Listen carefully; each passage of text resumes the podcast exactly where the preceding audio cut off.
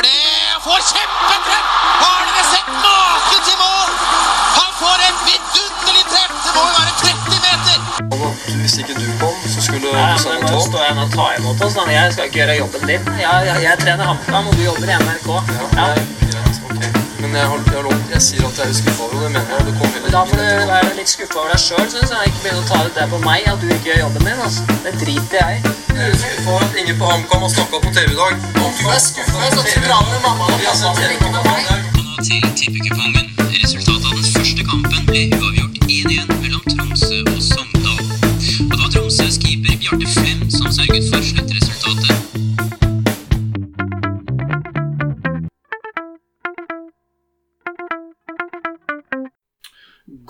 kveld, god morgen, god formiddag, god ettermiddag. Alt avhengig av når du hører på denne podkasten. Og det er det som er så fint med podkast. Du kan høre på det akkurat når du vil, og hvor du vil også.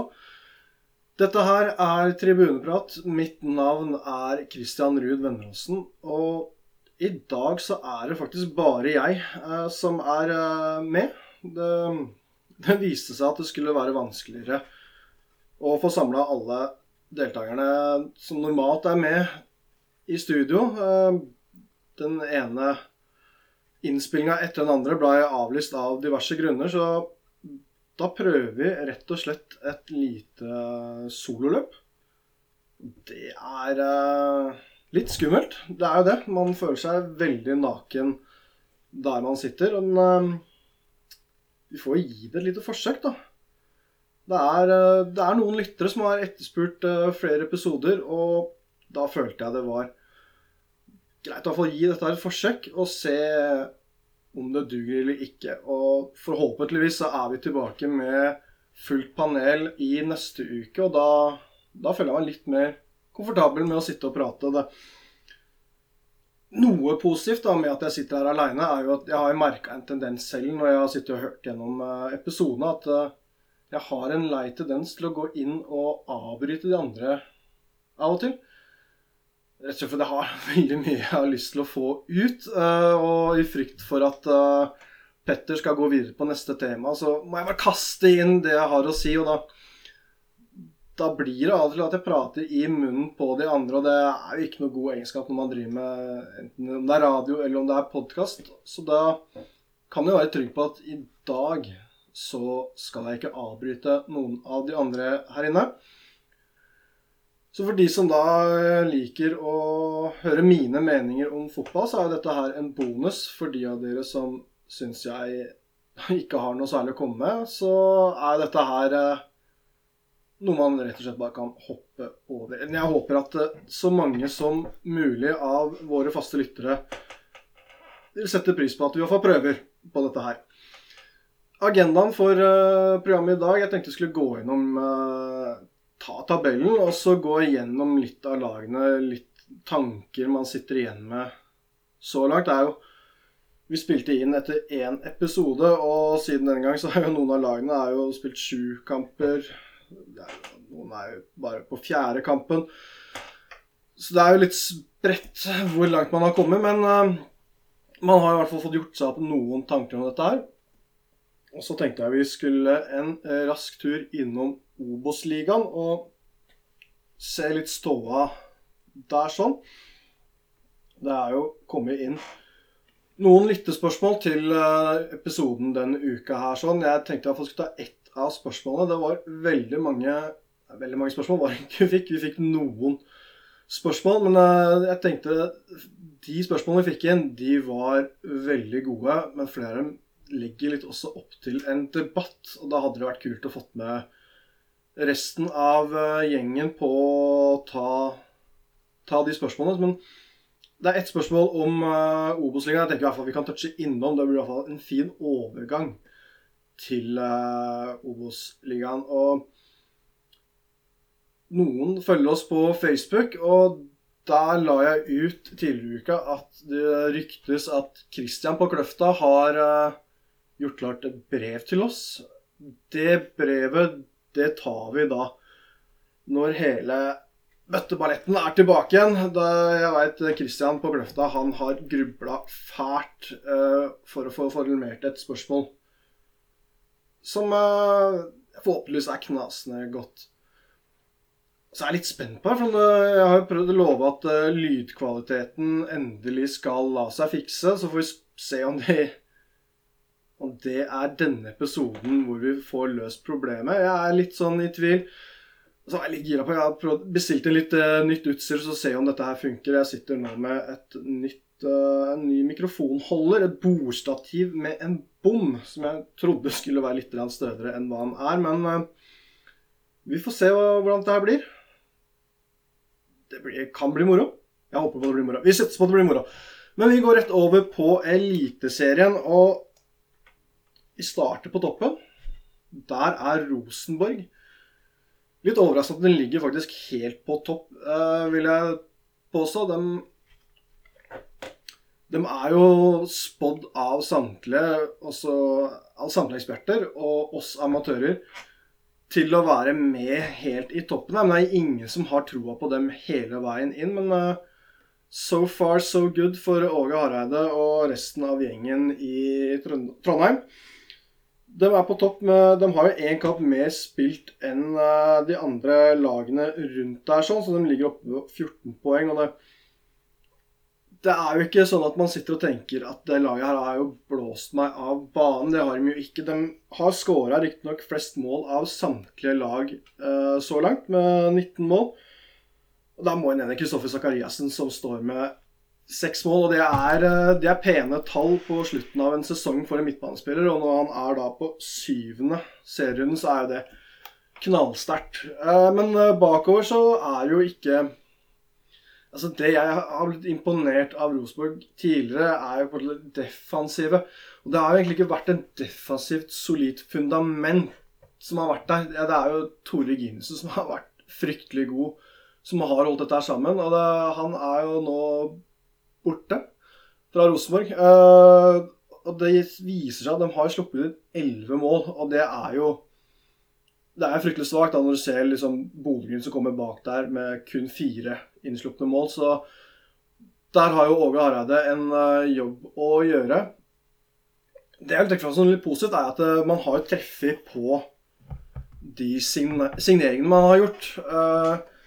Særlig Jeg syns Guillermo Molins har har heva Rosenborg i det offensive. Og det vil forundre meg om han ikke forlenger den avtalen med han. Han er jo bare på en korttidskontrakt. Litt sånn nødløsning som kom inn der. Men jeg syns han tilfører litt, så mye mer, da. Det er en mye mer komplett spiller enn eh, Dino Islamovic, som eh, er alternativet. Og jeg så jo Kai Bardal hadde en knasende god eh, analyse på Twitter, hvor han viste bl.a. styrken til uh, Gemme Molins som feilvendt. Uh, hvor vanskelig det var for motstanderne å ta ham der sånn. Og det er jo Det sier jo mye, da, for han er jo en spiller som uh, er jo best kjent for uh, sine egenskaper rettvendt mot målet. Så det er en god pakke. Og jeg syns også Vebjørn Hoff har vært, vist seg å være en god signering. Det visste vi jo. Han var jo veldig god i Odd også. Og Ja, jeg syns liksom alt har liksom De signeringene man har fått inn, syns jeg viser seg fra en god side. Uh, det er sånn jeg syns Kanskje Vecchia som uh, man hadde størst forhåpninger til. Stefano. Det, han har kanskje ikke levert opp til forventningene. Men sånn, bortsett fra det, så syns jeg på en måte man har fått det man har forventa, og gjerne litt til, av signeringene sine. Men eh, jeg ser jo fortsatt vanskelig å se for meg at uh, Rosenborg vil holde hele veien inn, særlig så lenge det, det, ser ut som det gjør defensivt. Man kan ikke fortsette å slippe inn så mange mål uh, som det man har gjort til nå. Hvis jeg stopper opp litt her, så er det litt fordi at jeg har uh, uh, har liksom notatene foran meg på iPaden. Men nettet her er ikke helt med meg, så det går litt sakte med å få det opp. Men uh, vi prøver så godt vi kan.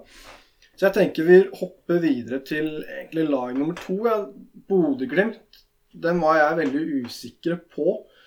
Ikke usikker på at den kommer til å være oppe i toppen der, sånn. Det følte jeg ganske trygg på, men hvor gode ville Bodø-Glimt være i 2021? Det ville være umulig for dem å leve opp til den sesongen man hadde i 2020. Den var forbi alt annet. Det var eh, så enormt bra. Og så har man da i tillegg da den fronttrioen som man har mista i løpet av det siste året. Som ga dem så utrolig mange poeng. Jeg syns Botheim har jo overraska meg i den grad jeg hadde ikke sett for meg han skulle være så målfarlig. Jeg syns ikke han gir Bodø så veldig mye i selve spillfasen.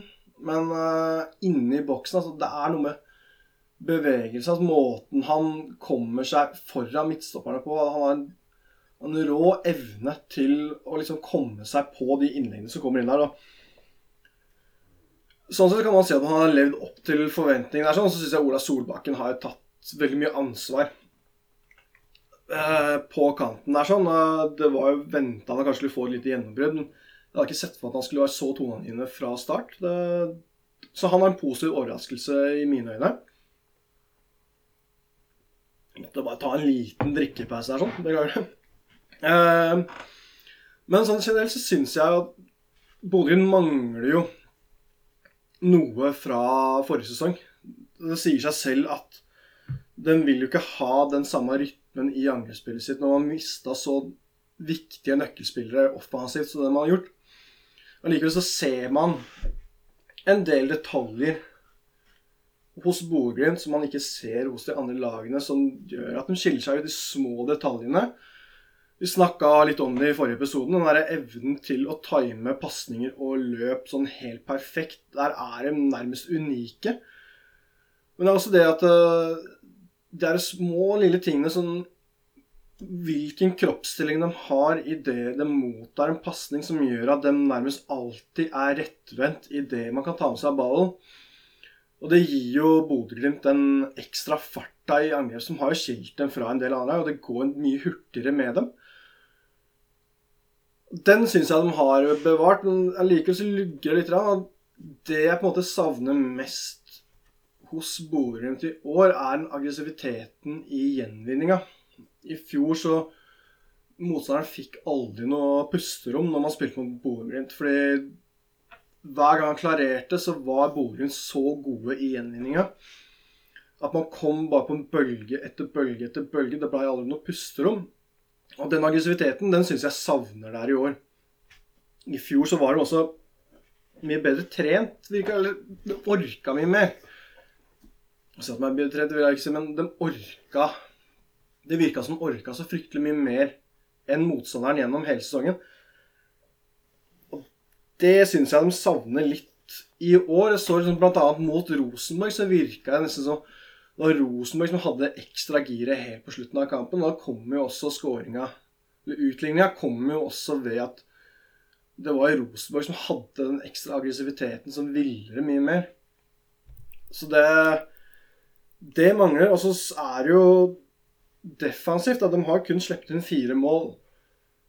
Men allikevel Jeg syns jeg ser mye mer sårbare ut i år enn hva de har gjort tidligere de har Marius Lode bak deg. Han har vært mye skada og kommet tilbake igjen nå. Så man er veldig avhengig av den toppfarta han tilbyr i midtforsvaret. For de står fryktelig høyt. Den går helt opp med begge kantspillerne. Og gjerne en av midtstopperne også. Og da er du Du er veldig naken bak der når du kun har igjen én midtstopper. I tillegg til Haiken. Haiken har jo hatt en god start på sesongen. Jeg synes han har vært offensiv og god. Han har redda dem i flere situasjoner. Særlig mot Tromsø så hadde han flere baller i bakgrunnen. Tromsø slo gjennom der, sånn, så han er ute og avverger. Og hadde han vært litt mer nølende, så hadde Bodø fort tapt denne åpningskampen mot Tromsø. Så det er sånn man, Jeg så ikke de klare svakhetene defensivt i fjor som det man gjør i år. Så, så langt så syns jeg det er Molde på fjerdeplassen, som ser ut som mest solide. Kristiansund ligger jo på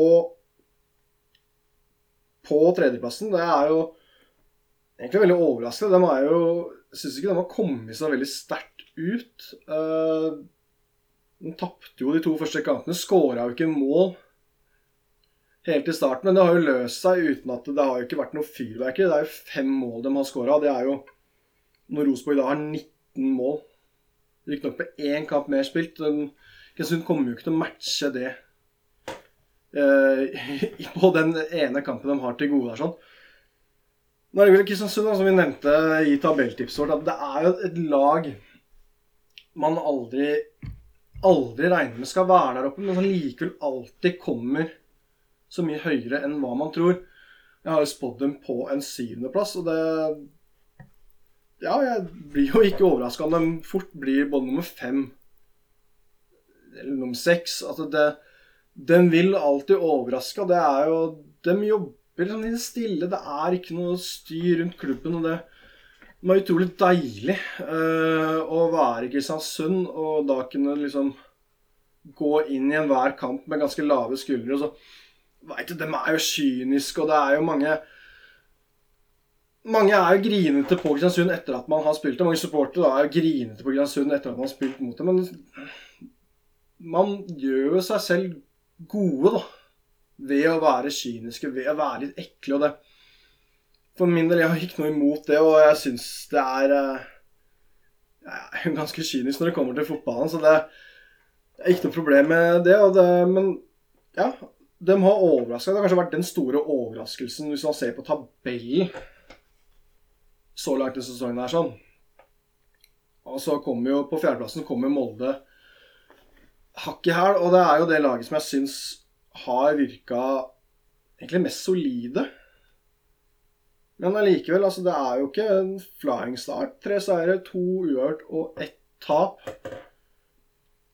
Og man sitter jo igjen med de poengtapene skulle jo vært unngått. Den skulle jo ikke tapt mot Vålerenga. Uh, man skulle ha slått Mjøndalen, men allikevel så sitter jeg med en sånn følelse at Kanskje litt startvansker. Men at det vil komme seg etter hvert. Og så Mjøndalen, så tempoet var svakt. Men jeg følte sånn Når jeg satt og så den kampen, at litt sånn kalkulert risiko fra Erling Moe. Du kommer bortebane mot et lag du regner med vil legge seg lavt. Det er veldig varmt greit, da roer, du roer ned tempoet, for du veit at det egentlig finnes nok kvalitet i laget til å kunne spille mot den lave blokka. Det er nok kvalitet i laget til å kunne sette opp det ekstra giret dersom det blir nødvendig. Og det er det store spørsmålet. Da. Var ballen inne? Var den ikke? Kristoffer Haugen sitt skudd som Sosha Makani redda. Det, er jo, det blir umulig ut fra de vinklene som er der. sånn. Mange er jo mener jo bastant at den ballen er over. Så lenge man ikke ser det ovenfra, så blir det jo klin umulig å kunne fastslå 100% om hele den ballen var over. Og jeg heller jo egentlig mot at ikke hele ballen var over. Men det her blir jo bare spekulasjon. Både fra min og fra alle andre sin side. Og det er jo Skal Molde ta gull i år, så er han nødt til å vippe de kantene der i sin favør. Man kan ikke tape mot Vålerenga på hjemmebane i en kamp man egentlig har ganske god kontroll på. Så prestasjons... Eller på, tabellmessig så syns jeg Molde så langt er uh, skuffelsen. Selv om jeg syns prestasjonene den, den ser så mye mer solide ut enn hva en fjerdeplass skulle tilsi. Det er vanskelig å ta tabellen, for det, det, er så ujevnt antall kamper de har spilt. Så det blir sånn vanskelig å skulle si om det her er et mønster man da kan tyde ut fra starten av sesongen, sånn som vi skal snakke om Brann etterpå, som ligger helt der nede.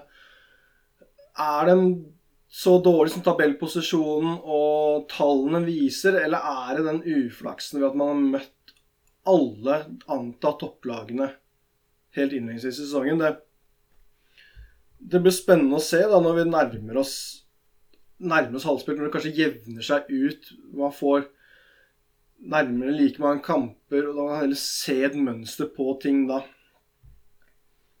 Da tenker jeg å hoppe videre til Vålinga på femteplass. Der er kanskje det laget hvor jeg føler jeg egentlig har mest å komme med sånn fra hva jeg har sett sånn ting man kan se, da. Og Vålinga er jo av mange liksom regna Noen har jo til og med spådd dem helt, helt på topp. Opp til de forventningene så har de ikke helt levert. Man ligger på femteplass, men det tror jeg også er litt sånn resultat av at man De andre lagene ikke har spilt like mange kamper.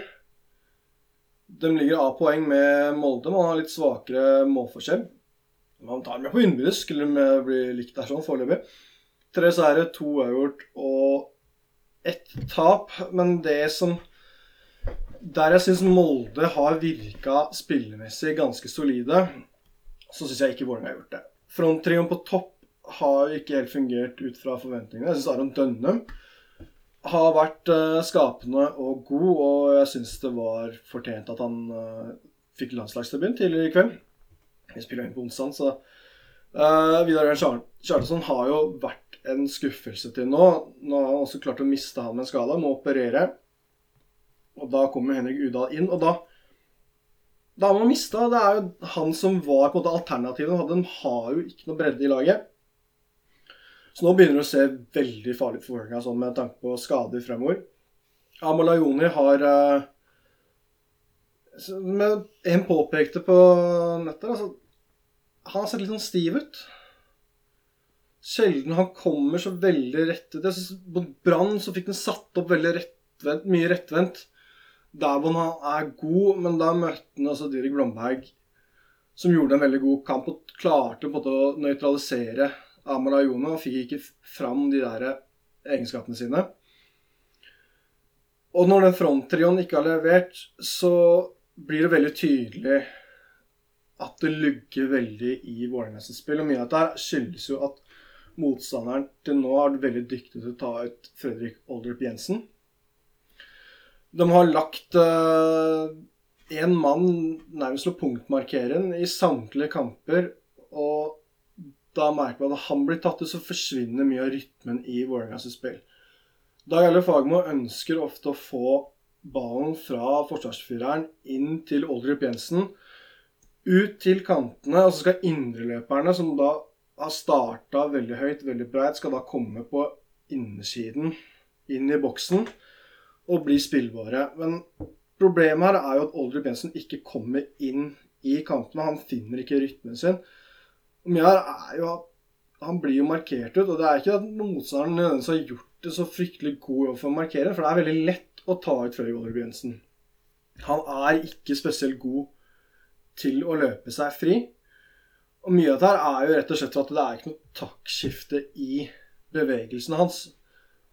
Så når han da bestemmer seg at nå skal jeg løpe motsatt retning, for jeg skal være spillbar, så er det ikke noe temposkifte. Og da blir det veldig lett å sånn labbe etter og ta et rom nok til at man ikke tør å bruke den. Da syns jeg jo svakheten med Dag Erle Fagermo kommer frem. At han er veldig rigid i sin måte å spille på. Formasjonen skal være 4-3-3. For det burde kunne gå an å snu om på den midtbanen og heller ha to dype ballsentraler som kommer og møter, og så heller ha en høy sentralt. Istedenfor så blir man stående med en punktmarkert uh, Oldrup Jensen, og så har du to indreløpere som går veldig høyt og breit.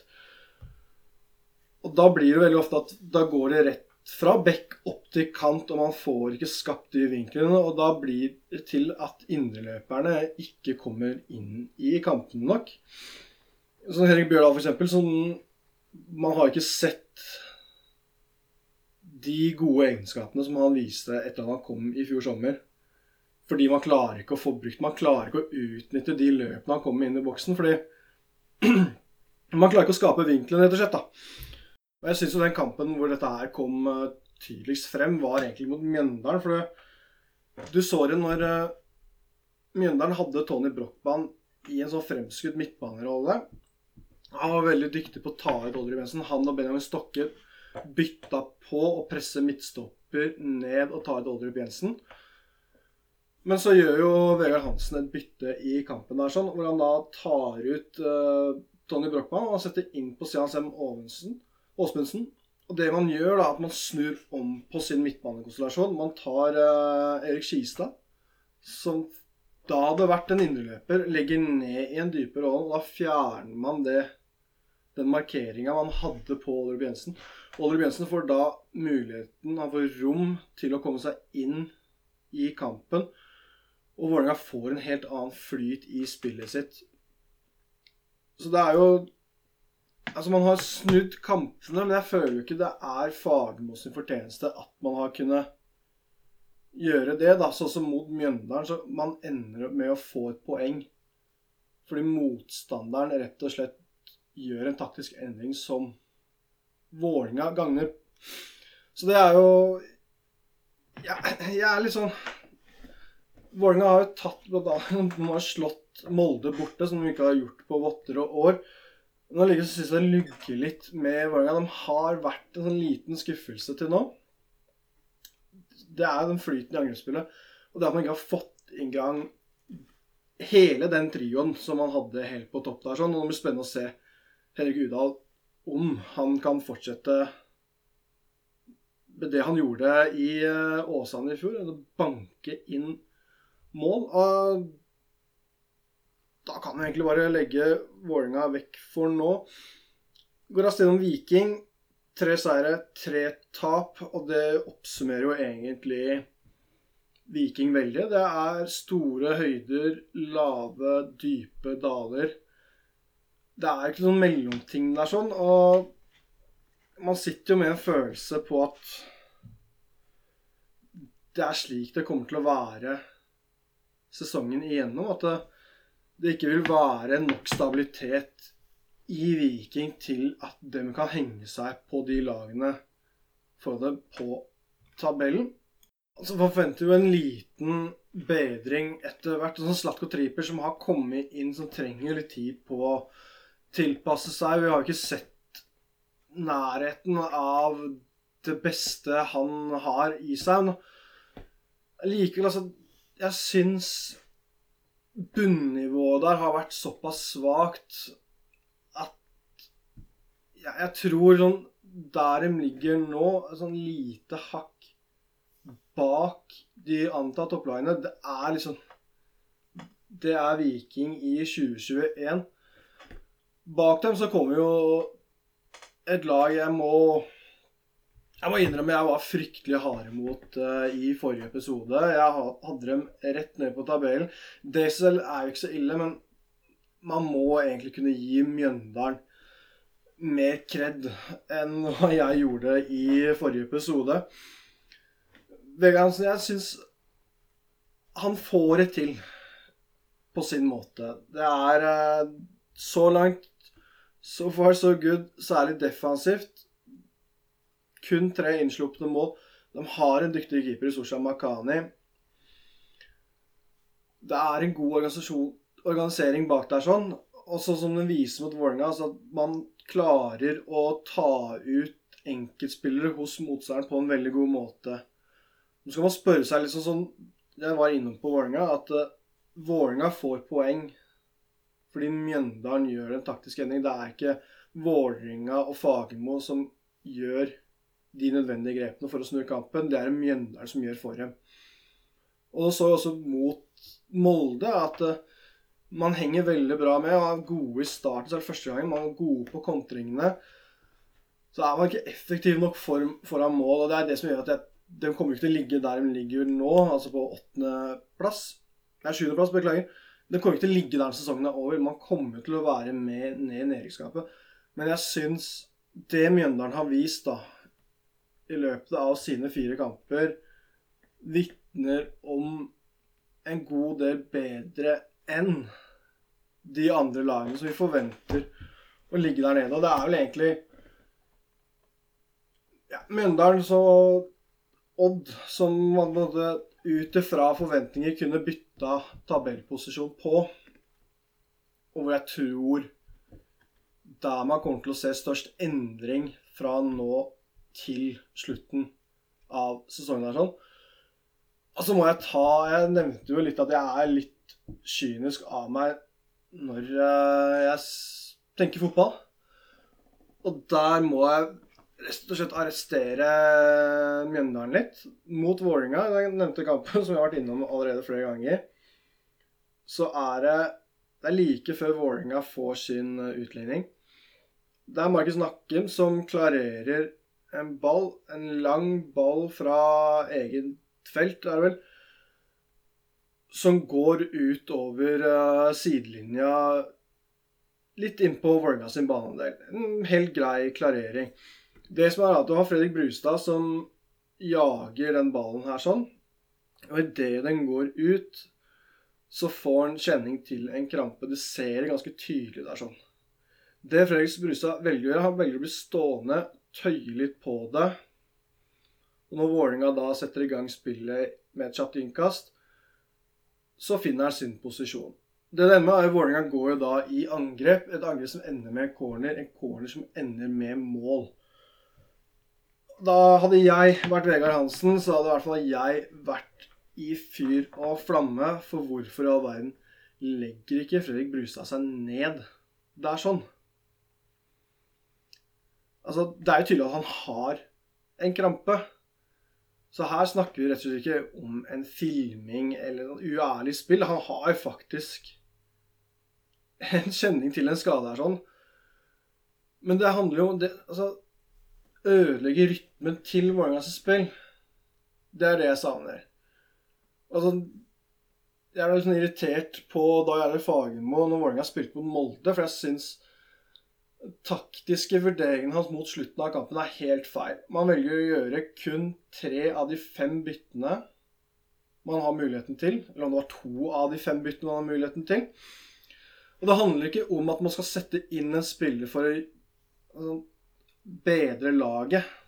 Det handler om å få ned tempoet og ødelegge rytmen hos motstanderen som skal fram og jage en ball. Og Det er jo det Fredrik Brustad ville gjort i den situasjonen. der sånn. Han burde lagt seg ned, begynt å tøye, gitt tydelig signal til dommeren at her trenger jeg faktisk hjelp. Det ene du gjør, er jo så klart du dreper tempo. Du får ned tempo, du ødelegger rytmen i spillet til Vålerenga. Du irriterer dem også. Du får vekk fokuset istedenfor at de har fokus på de oppgavene de skal gjøre. Så har de fokus på ting de ikke kan gjøre noe med. Som at Fredrik Brustad ligger nede med krampe. Det får ikke de gjort noe med. Men det er et irritasjonsmoment for dem som gjør at de mister fokuset på de oppgavene de egentlig skal gjøre. Og det her er jo ja, Vi må rett og slett bli litt sånn slemmere i fotballen. Så det, det var det jeg hadde om Mjøndalen. Bare en liten drikkepause her. Da går vi videre til Sarpsborg 08, og der er jo et lag som foreløpig, altså Litt grått og trist start, rett og slett. 3-2 i målforskjell på fire kamper. 1-2-1. Det har liksom ikke skjedd så mye rundt Sarpsborg 08 i kampene sine. Den ene seieren de har, kommer jo mot Tromsø, og man får god hjelp ved en tidlig, tidlig utvisning der. sånn. Utvisning når man man klarer å sende ut feil mann.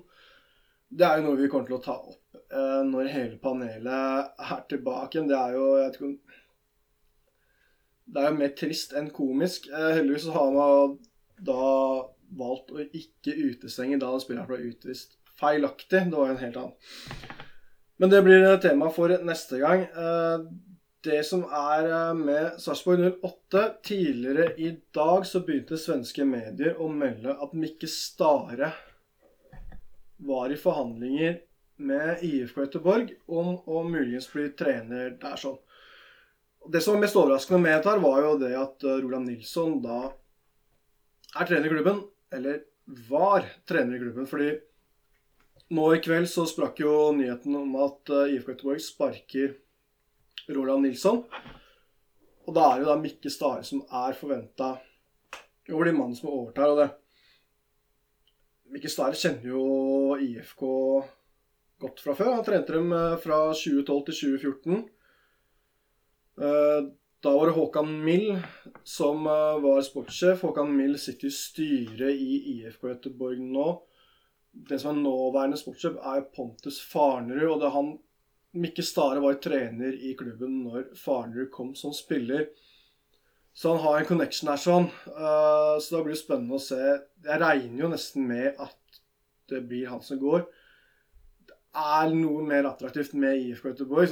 Den satser jo tungt nå. Uh, Marek Hamsik er der. Det er bare på en korttidskontrakt. Så spennende å se om han blir værende. Mye ja, blant annet godt rykte om at han kan være på vei til Tyrkia nå i sommer. Uh, det jo, de har jo det svinger jo veldig i satsinga i IFK Göteborg. Man hadde Poya Ashbagi, en spennende ung trener, hvor man da valgte å kjøre en ungdomslinje. Det var rett ikke nok kvalitet i laget. Man ble bunnlag. Og så sparker man Poya Ashbagi, og så får man inn Roland Nilsson, en trener. seg jeg føler at jeg ser ikke helt hva han har å tilføre et lag av særpreg. Hvilket preg er det han setter på de lagene han trener? Den klarer jeg ikke helt å se. Og så skal man da kjøre en knallhard satsing. Man har fått tilbake mange gamle utenlandsproffer som da kommer tilbake. Man har en stor satsing og bruker masse penger. Til sommer kommer Markus Berg, Oskar Wendt. Det er knallsigneringer. Uh, så jeg skjønner jo Mikke Stara at det her er jo en attraktiv jobb for han. Og for Sarpsborg 08 sin del så kan jeg ikke egentlig se at det her er en nedtur for dem. Jeg syns ikke Mikke Stare har levd opp til de forventningene vi hadde til han og Sarpsborg 08 etter at han tok over. Men det spennende blir å se hvilke spillere er som er i Sarpsborg 08 pga. Mikke Stare. F.eks. en Antos Alentros, som jeg mistenker er i klubben der fordi Mikke Stare er der. Blir han værende dersom svensken reiser hjem igjen? Det er kanskje den store nedturen ved at eventuelt Mikke Stare skulle dra, men at hun får inn en annen type trener, tror jeg ikke nødvendigvis vil være så negativt. Mikke Stare er jo tre-fire-tre-mann. Så får man en tidlig scoring, så skal man bare lukke kampen. Det blir litt defensivt og kjedelig, syns jeg. Da kan det være greit Altså, jeg tenker på Hvem skal man få inn? Uh, og vi har jo merka nå nå, før overgangsvinduet stengte, at mange av klubbene sleit med å hente spillere utenfra. Komme inn, det er lang karantenetid. Det vil ta tid å få dem inn i laget. Og sånn vil det også være med trenere. Skal du ansette en trener utenfra, så komme inn, måtte gå igjennom en kar karanteneperiode, og så skal han begynne å sette sitt preg på laget. Så jeg tror at Sarpsborg 08 kommer til å gå for en løsning i Norge, og det er det første navnet som popper opp i mitt hode, er Jørgen Isnes. Først og fremst for at jeg syns han er en utrolig dyktig trener. Jeg syns uh, den jobben han gjør med Koffa, er knallgod. Det er, uh, som flere andre lag i Obos-ligaen, så er det et lag som ønsker å styre kampene. er tålmodig med ballen. Jeg syns likevel at de er tålmodige med en mye mindre risiko enn en del andre lag. Man er litt mer direkte særlig bakfra for å få ballen opp, og så er man gode på å holde ballen i laget. Det er sånn at jeg tror Jeg mener jo at det her er jo mannen Lillesønn skulle gått for når han var i Obos-ligaen. Om han er riktig person til å trene Lillestrøm. Eliteserien Der tror jeg Geir Bakke har liksom Hans fotball passer mye bedre. Det her toucha vi innom i forrige episode også. Men jeg tror at det kan være at Jørgen Isnes har vist nå over flere sesonger at han er god nok til å kunne trene lag på elitenivå. Jeg tror at hans type fotball også vil passe inn i det Sarpsborg-laget. Og så er det det at Jørgen Isnes og Thomas Berntsen er jo, kjenner hverandre veldig godt. Uh, Berntsen var trener i Lørenskog når Jørgen kom dit. Så det er en relasjon der sånn som de, de har holdt dette gående. De, det er et vennskap som fortsatt er der. Så jeg vil tro at hvis Thomas Berntsen nå må sette seg ned og ta en avgjørelse på hvem er jeg skal ha inn som ny hovedtrener, så jeg tro Jørgen Nisse står høyt på den lista. Jeg mener at han bør stå helt øverst på den lista. her sånn. Det er iallfall mine øyne den opplagte beste kandidaten til å ta over Sarpsborg 08 på dags dato. Så, men jeg har ikke så veldig mye å si om Sarpsborg. Stabæk Litt sånn likt med Sarpsborg 08. Det har ikke vært liksom Det er ikke et lag jeg har sett på som har gitt meg så veldig mye, verken positivt eller negativt. Det er et lag som Man er der man er nå. Jeg tror det vil være ved slutt av sesongen også. Um, I likhet med Sarpsborg Lotte. Litt sånn anonymt lag i 2021. Der føler jeg altså Stabæk ligger nå. Det er noen spennende unge spillere. Det er, liksom, det er på en måte det man egentlig mest ser fram mot mot Stabæk. Sånn, ellers så er det ikke et lag som utpreger seg så veldig Det er ikke den ene eller den andre veien. Og det er sånn, et lag helt midt på treet. Og jeg syns også innledningen av sesongen også har vært midt på treet. Da er det jo mer laget som ligger på plassen bak det. FK Haugesund. 4-4 i målforskjell så langt er jo ikke Det er ikke noe fyrverkeri. Nå skal si at De fire målene kommer jo i den aller siste kampen nå mot Viking. Og da kommer jo også halvparten av baklengsmålene. Men jeg syns likevel det er noe ved FK Haugesund som jeg syns er litt spennende å se på. De har, Jeg så noen omtaler på Twitter som The Fab Four helt der framme.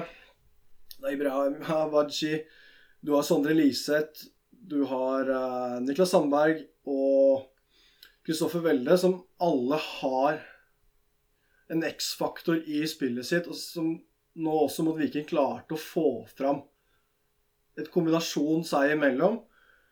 Og så må jeg innrømme at jeg er veldig svak for uh, Peter Terkelsen uh, på midtbanen, dansken, som uh, Det syns jeg er sånn kult å se på når lag som har sånn særpreg i spillet sitt. Når FK Haugesund skal sette i gang bakfra, så kjører Desler på høyrebekken.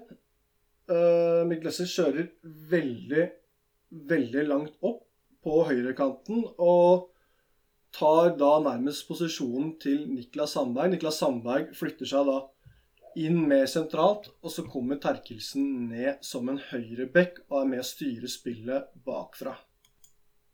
Og dette er jo en variant man ser eh, flere lag i Obos-ligaen som kjører en ganske lik en. Og det der er jo noe man er vant til å se. Vi har sett Atalanta eh, har gjort lignende grep i flere år. Rafael Toloi som kjører oppover. En tre yttermidtstopper i et tre bak der sånn, som kjører opp som en høyre wingback. Høyre wingback i Hatebor.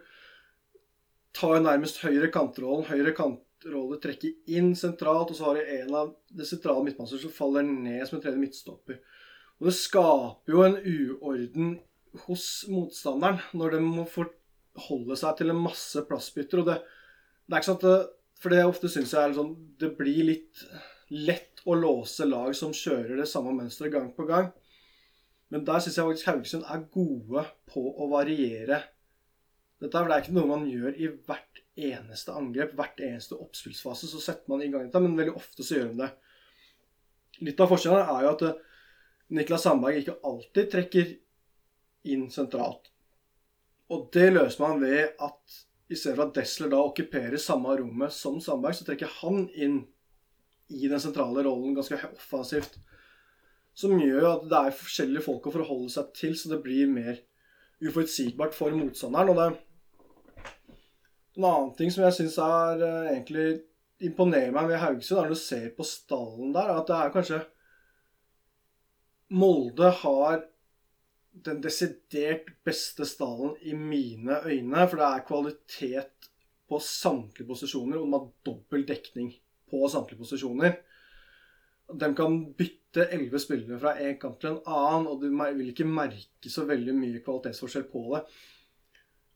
Haugesund har jo ikke den samme kvaliteten i sine spillere, men de har en bredde som jeg syns er veldig god. Det er vel ingen spillere i det Haugesund-laget som er uerstattelige. Det eneste jeg egentlig kan komme på, er jo Desler på høyrebekken, hvor vi kanskje ikke har Nå er Tore Pedersen, da, som har gjort en god jobb på venstrebekk, som egentlig er høyrebeint, som også går inn på midtbanen. Nå er Bruno Leite, som har starta mye på benken i siste.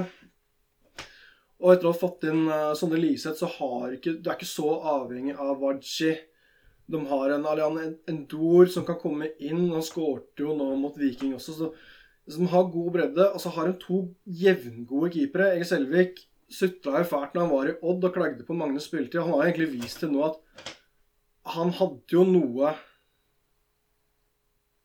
Ordene sine litt i behold òg, for han har jo starta knallsterkt, syns jeg.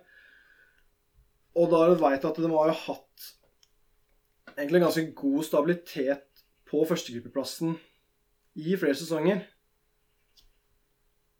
Det Problemet har jo vært at man har ikke hatt noen konkurrent til Helge Sandvik. Så har jo, de har bytta ut andrekeeper omtrent hvert halvår.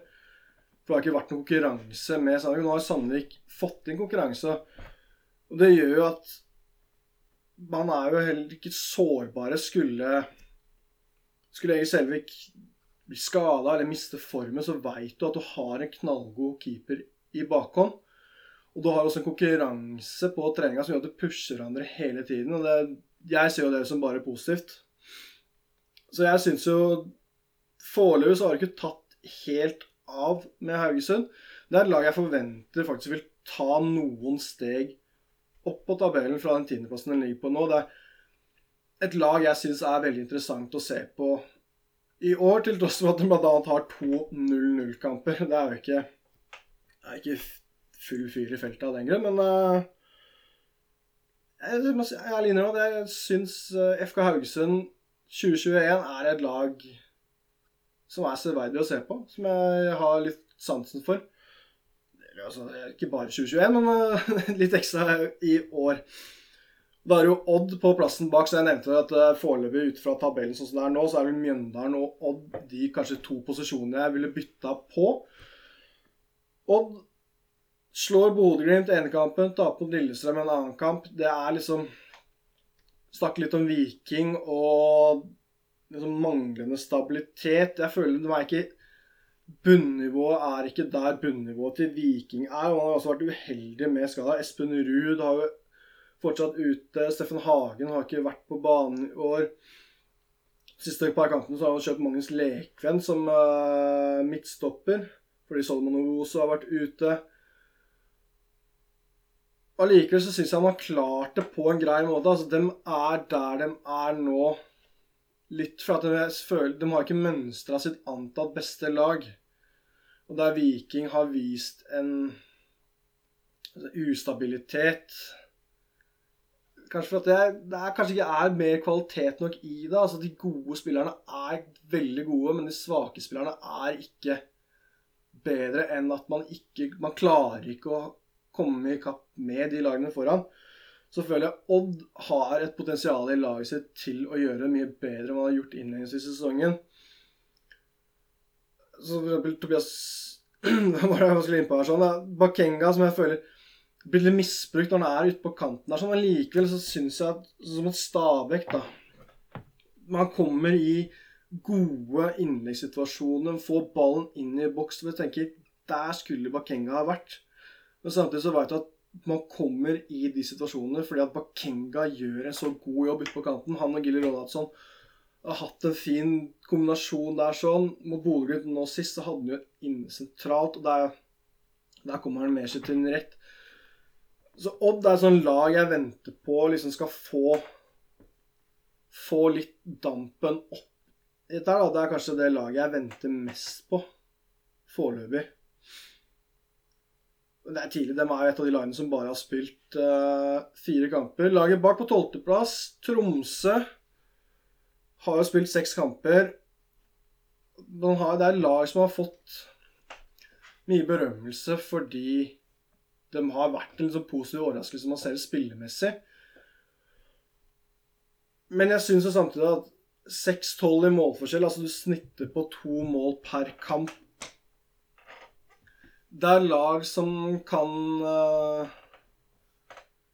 Kan overraske spillemessig, men jeg ser ikke for meg at poengfangsten vil gå opp så veldig mye. Det er litt sånn start da, som jeg følte i fjor, innledningsvis i sesongen. Start som også viste takt på at det bodde noe i det laget. Det var et potensial der, sånn, men man fikk aldri ut det potensialet. Det, litt der jeg egentlig føler Tromsø er, er i år.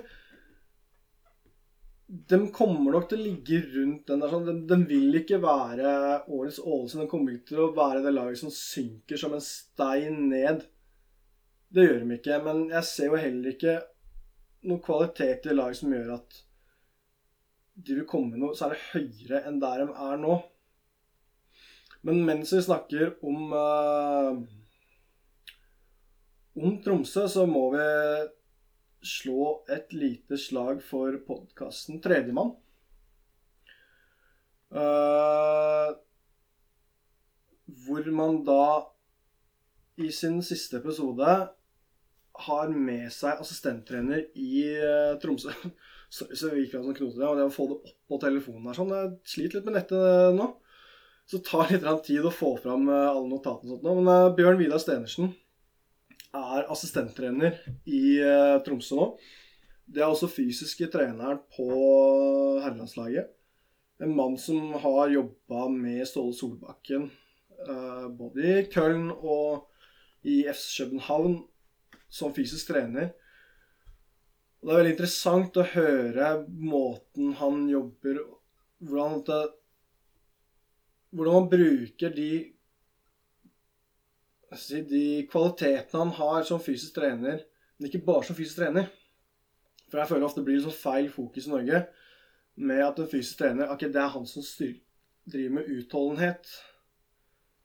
Mens det ligger så veldig mye mer i det. og det er liksom så interessant å høre blant annet han snakker om. Han er veldig inspirert av uh, spansk og portugisisk fotball. Og portugisisk fotball så er jo den type rolle mye mer vanlig. Mourinho har jo hatt Rui Fario, som da i utgangspunktet er en fysisk trener, men som har vært assistenttreneren hans hele veien for å få en helhetlig Det er sagt den taktiske periodiseringen, da.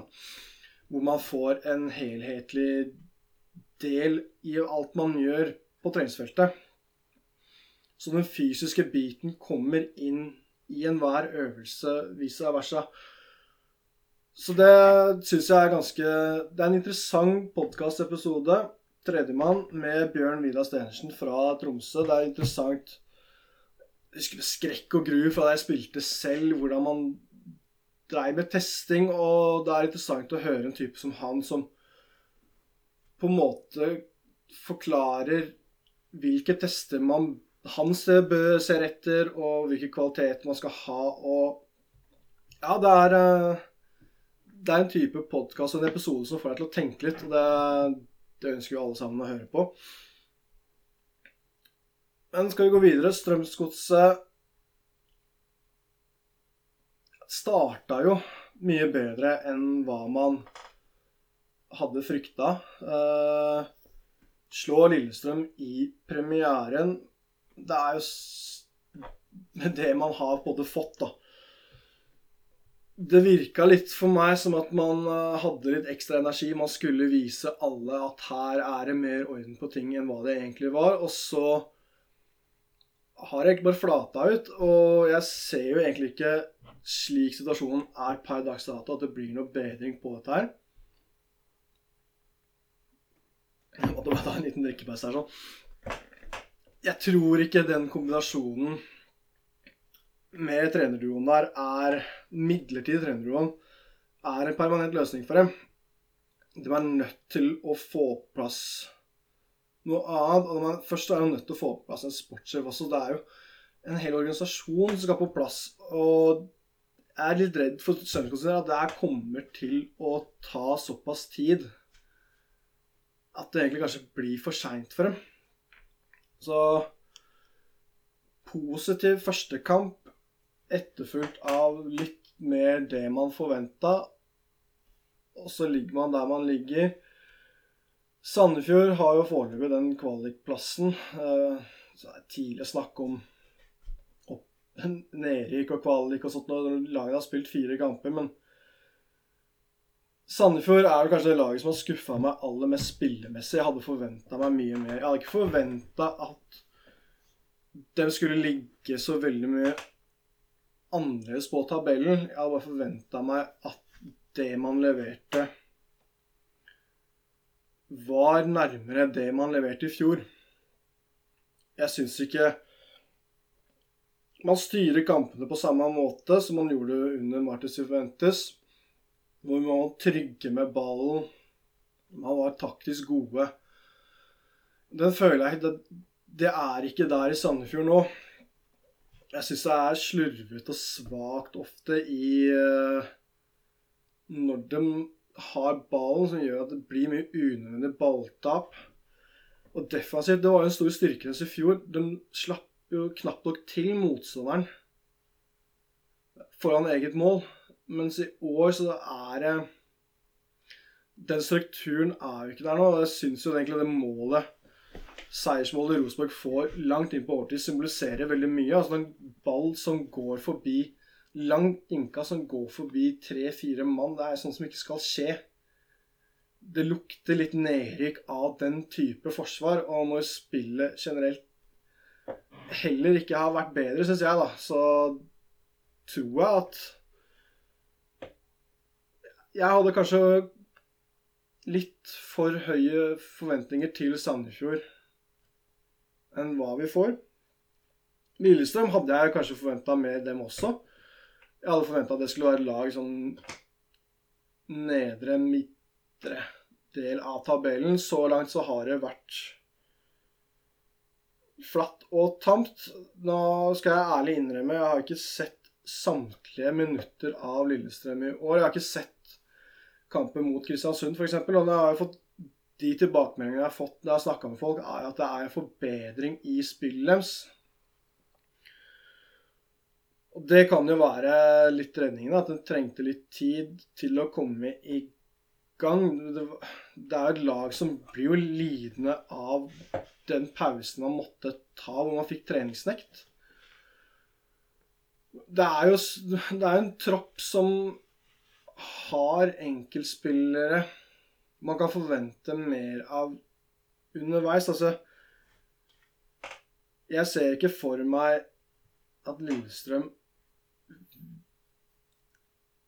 At det vil være den store forandringen. Men jeg forventer faktisk at de ikke havner helt der nede, altså.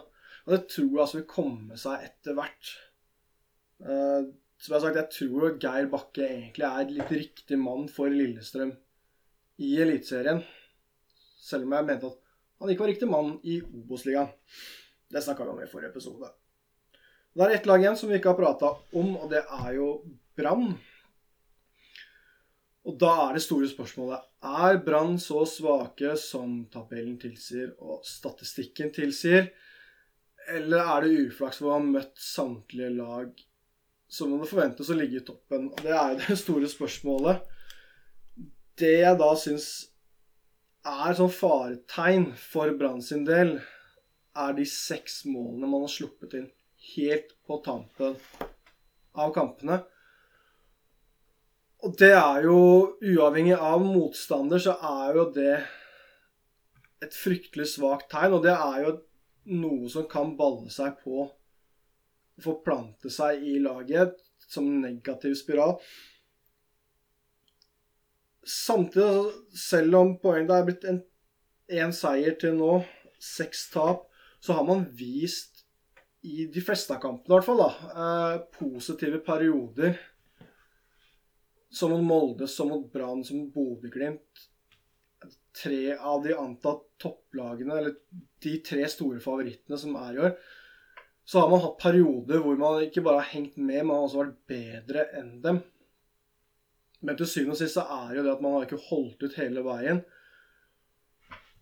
Det er jo Ja, som sagt Det er litt vanskelig foreløpig å si om dette her er en trend, eller om det er av at motstanderen er hvem de er. Og det blir jo spennende å se. Eh, jeg syns liksom, man har fått De siste kampene har vist at man har fått plass litt det laget Nå kommer jeg plutselig bort på her. Et lag som vil gi dem best mulig, som har fått inn en uh, Mathias Rasmus, f.eks., som jeg da føler at etter at han kom inn på laget, så har han fått en helt annen rytme i spillet. Han styrer på en helt annen måte. Barmen hadde en dype rolle. det er ikke en rolle jeg føler passer for han. Han har en fysisk tilstedeværelse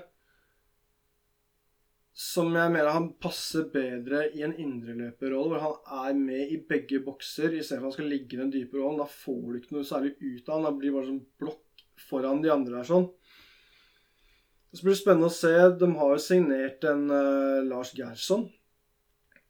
Uh, Landslagsspilleren for Luxemburg, Luxemburg fra Kongsvinger. Uh, som har levert stabilt og bra nivå i Allsvenskan i veldig mange år. Han er henta inn som en midtstopper, og det er nesten litt sånn litt kjedelig spiller, for du får ikke det store fyrverket, men det er en trygg og stabil spiller. Du veit alltid hva du får. Og det er jo egentlig den type spiller jeg føler Brann trenger akkurat nå. En stabil spiller som vil gå inn der, rett og slett å styrke laget. Jo, han er veldig anvendelig. Han, som han har henta mest som midtstopper, men han har brukt mye som back tidligere. Han har jo spilt uh, i lag med trebekslinjer, firebekslinjer, så han, han kjenner til flere systemer. Han kan gå inn på midtbanen i samtlige posisjoner. Det er samtlige posisjoner i Forsvaret, og du veit alltid at du får en stabil og god spiller. og det Jeg syns uh, Lars Gerson er en, det er en undervurdert signering. signering jeg føler ikke har vært snakka nok om foreløpig. Så blir det spennende å se da, om det er, er bare det som trengs, eller er det noe mer som må til? Er Kåre Ingebrigtsen mannen til å snu dette her? For det har jo vært en, en svak sesonginnledning. Men nå fikk de da seieren i siste kampen, og det er det nå det snur for Brann. Spillemessig så syns jeg iallfall i mange av kampene at det har vært en overraskelse ut ifra forventningene man hadde til, til dem. Og da har vi egentlig vært igjennom samtlige lag i uh, Eliteserien. Litt sånn bablende, vil jeg egentlig føle. Det kunne hatt flere og mer konkrete punkter på flere av lagene, merker jeg. Men uh, vi har i hvert fall vært igjennom alle lagene. Og da må vi egentlig ta en liten tur innom uh, Obos-ligaen sånn veldig kjapt. Uh, litt fordi Marius har stilt et spørsmål på Twitter. NettEls. Uh, har flere spørsmål i den her. sånn. Jeg tenkte vi skal ta egentlig den ene her sånn, jeg. FFK, Fredrikstad fotballklubb, altså. På tabelltopp etter tre serier i første divisjon, som han har korrigert med fire. Forventet eller overraskende? Og da kan jeg jo egentlig bare snakke for min egen del.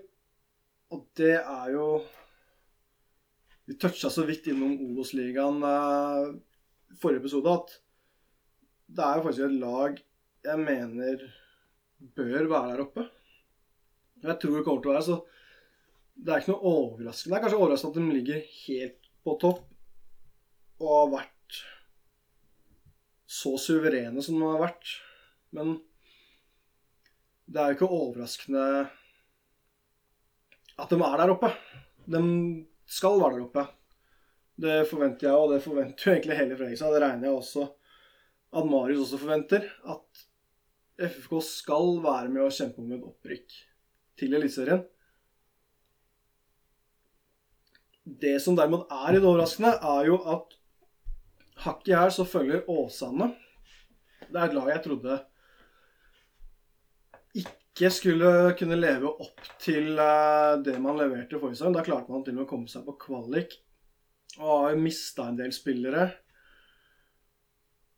Og jeg trodde rett og slett at dem ville få en blytung sesong. Nå har jeg jo kun spilt fire kamper i Obos-ligaen, så det er veldig tidlig å kunne fastslå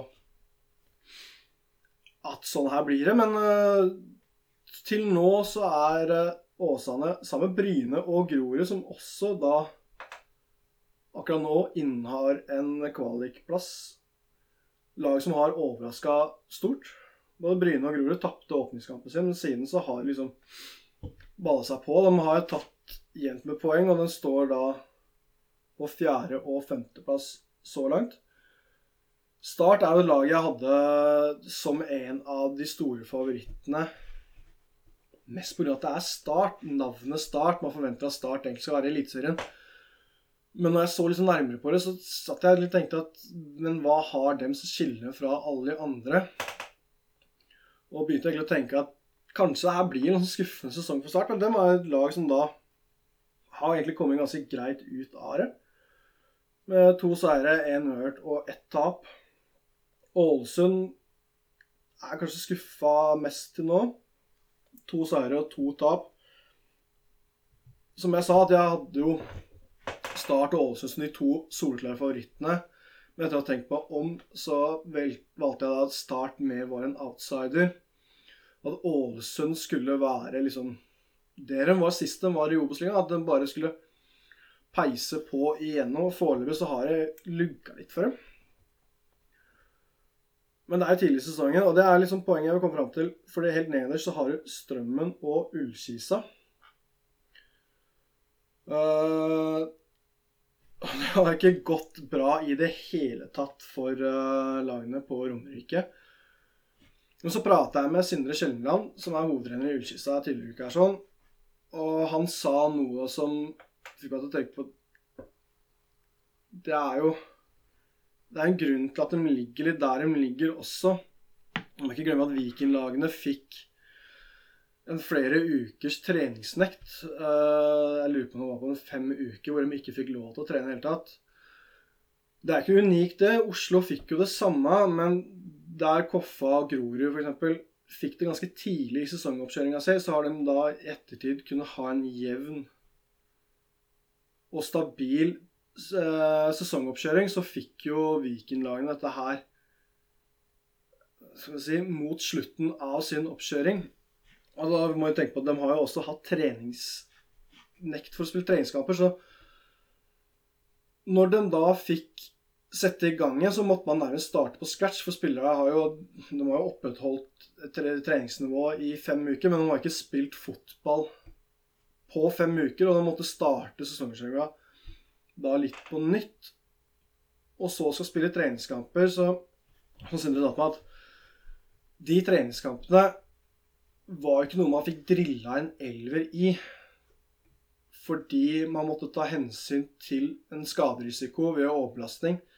Så man måtte nærmest stille to elvere i samtlige kamper.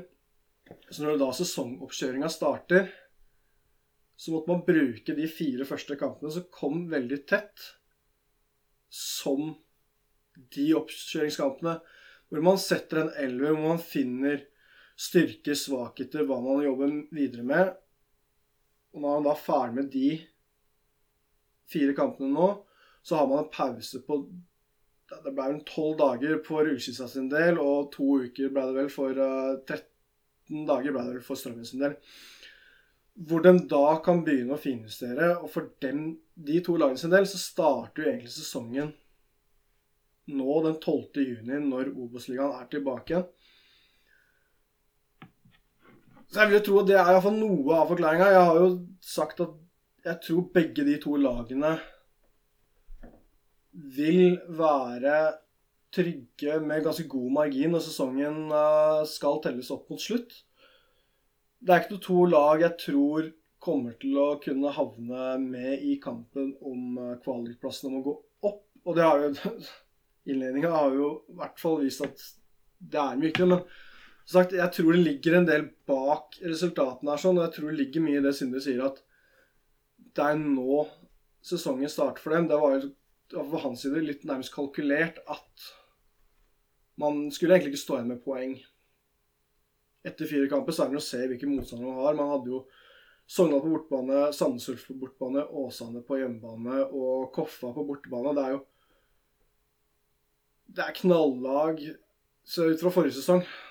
Uh, også i år også, Åsane som er De har en trygg og god spillestil. De vil ut og styre samme kampene.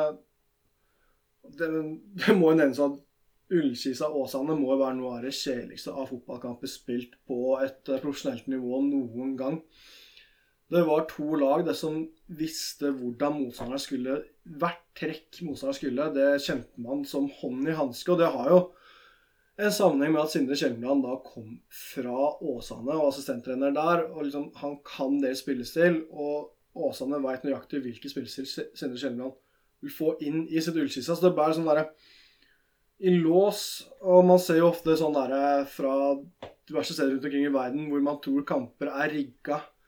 Hvor man da ser helt på tampen av kampen hvor begge lagene på en måte er fornøyd med resultatet. Man, ballen bare rulles i en forsvarsfirer. Og sånn så det til tider ut altså, mellom Ullkisa og Åsane, fordi det var to lag som Man hadde hverandre i lås. Man bare venta på Hvis Åsane hadde ballen for femmeteren, keeperen spiller den kort, så lå liksom Ullkisa bare venta på den ene passingen som da skulle komme, og så skulle hun sette inn sitt press. og det ble ja, Det så nærmest litt sånn rigga ut, den kampen, men uh, jeg tror ikke det var det. Det var jo det at det er to lag som kjenner hverandre så veldig godt. Hvordan man tenker og hvordan man vil fremstå. Men da har vi jo vært igjennom eh, Eliteserien. Vi har toucha innom Obos-ligaen. Og jeg må innrømme at jeg er mye mer komfortabel med å gjøre dette her sammen med de andre som normalt er her. Så Lars, Raymond og Petter, dere har å komme dere i studio til neste episode. Og dere som har orka å høre på dette her, da har vi toucha over en time. Først så fortjener dere en medalje. Jeg hadde ikke orka å høre på meg selv i en hel time, tror jeg. Ikke alene. Men gi gjerne tilbakemeldinger på hva dere syns. Ris og ros. Og så skal jeg prøve å ta til meg de tilbakemeldingene man får plutselig så sitter jeg her aleine igjen, som jeg ikke håper for det her var nesten litt ubehagelig, skal jeg være ærlig. Men eh, takk for nå, og som sagt, vi er forhåpentligvis tilbake allerede i neste uke med Alle mann alle. Mitt navn er Christian Ruud Venneråsen. Tusen takk for at du hørte på. Følg oss på både Facebook og på Twitter, og kom med tilbakemeldinger på hva som er bra, hva er dårlig. Alt tas imot med stor takk. Kom med innspill, spørsmål, ønsketemas osv. Belønningen er at du blir lest opp på en podkast. Ikke så veldig mange hører på, men forhåpentligvis så vil lyttertallene øke etter hvert. Takk for nå, og farvel.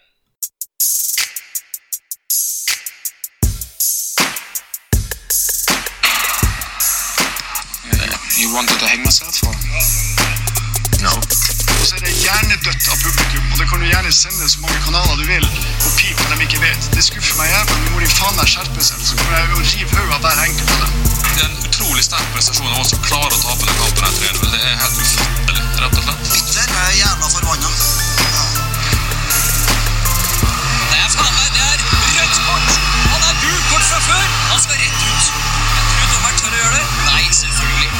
The, worst blanks I have seen this season in the Tipper League by launching every ball up to Kovac and hit and hope. Thank you very much.